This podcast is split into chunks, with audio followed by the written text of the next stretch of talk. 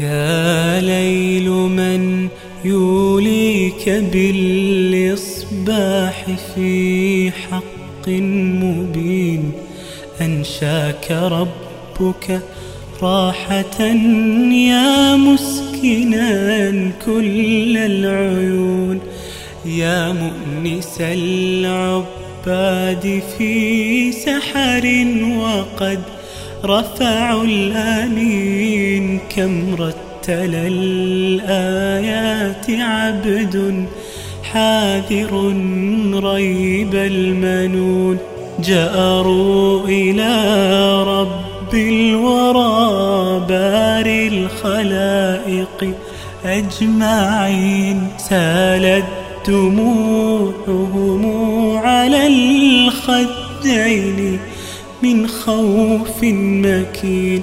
ما أعجب الليل الذي خضعت لسطوته الجفون.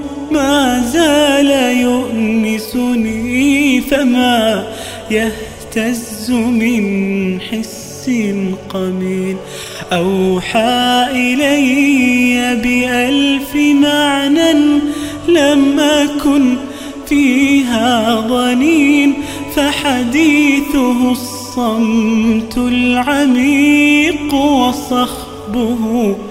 هذا السكون كم فتق الأفكار صمت موغل عبر السنين. كم فجر الإبداع في قلب ثوى فيه حزين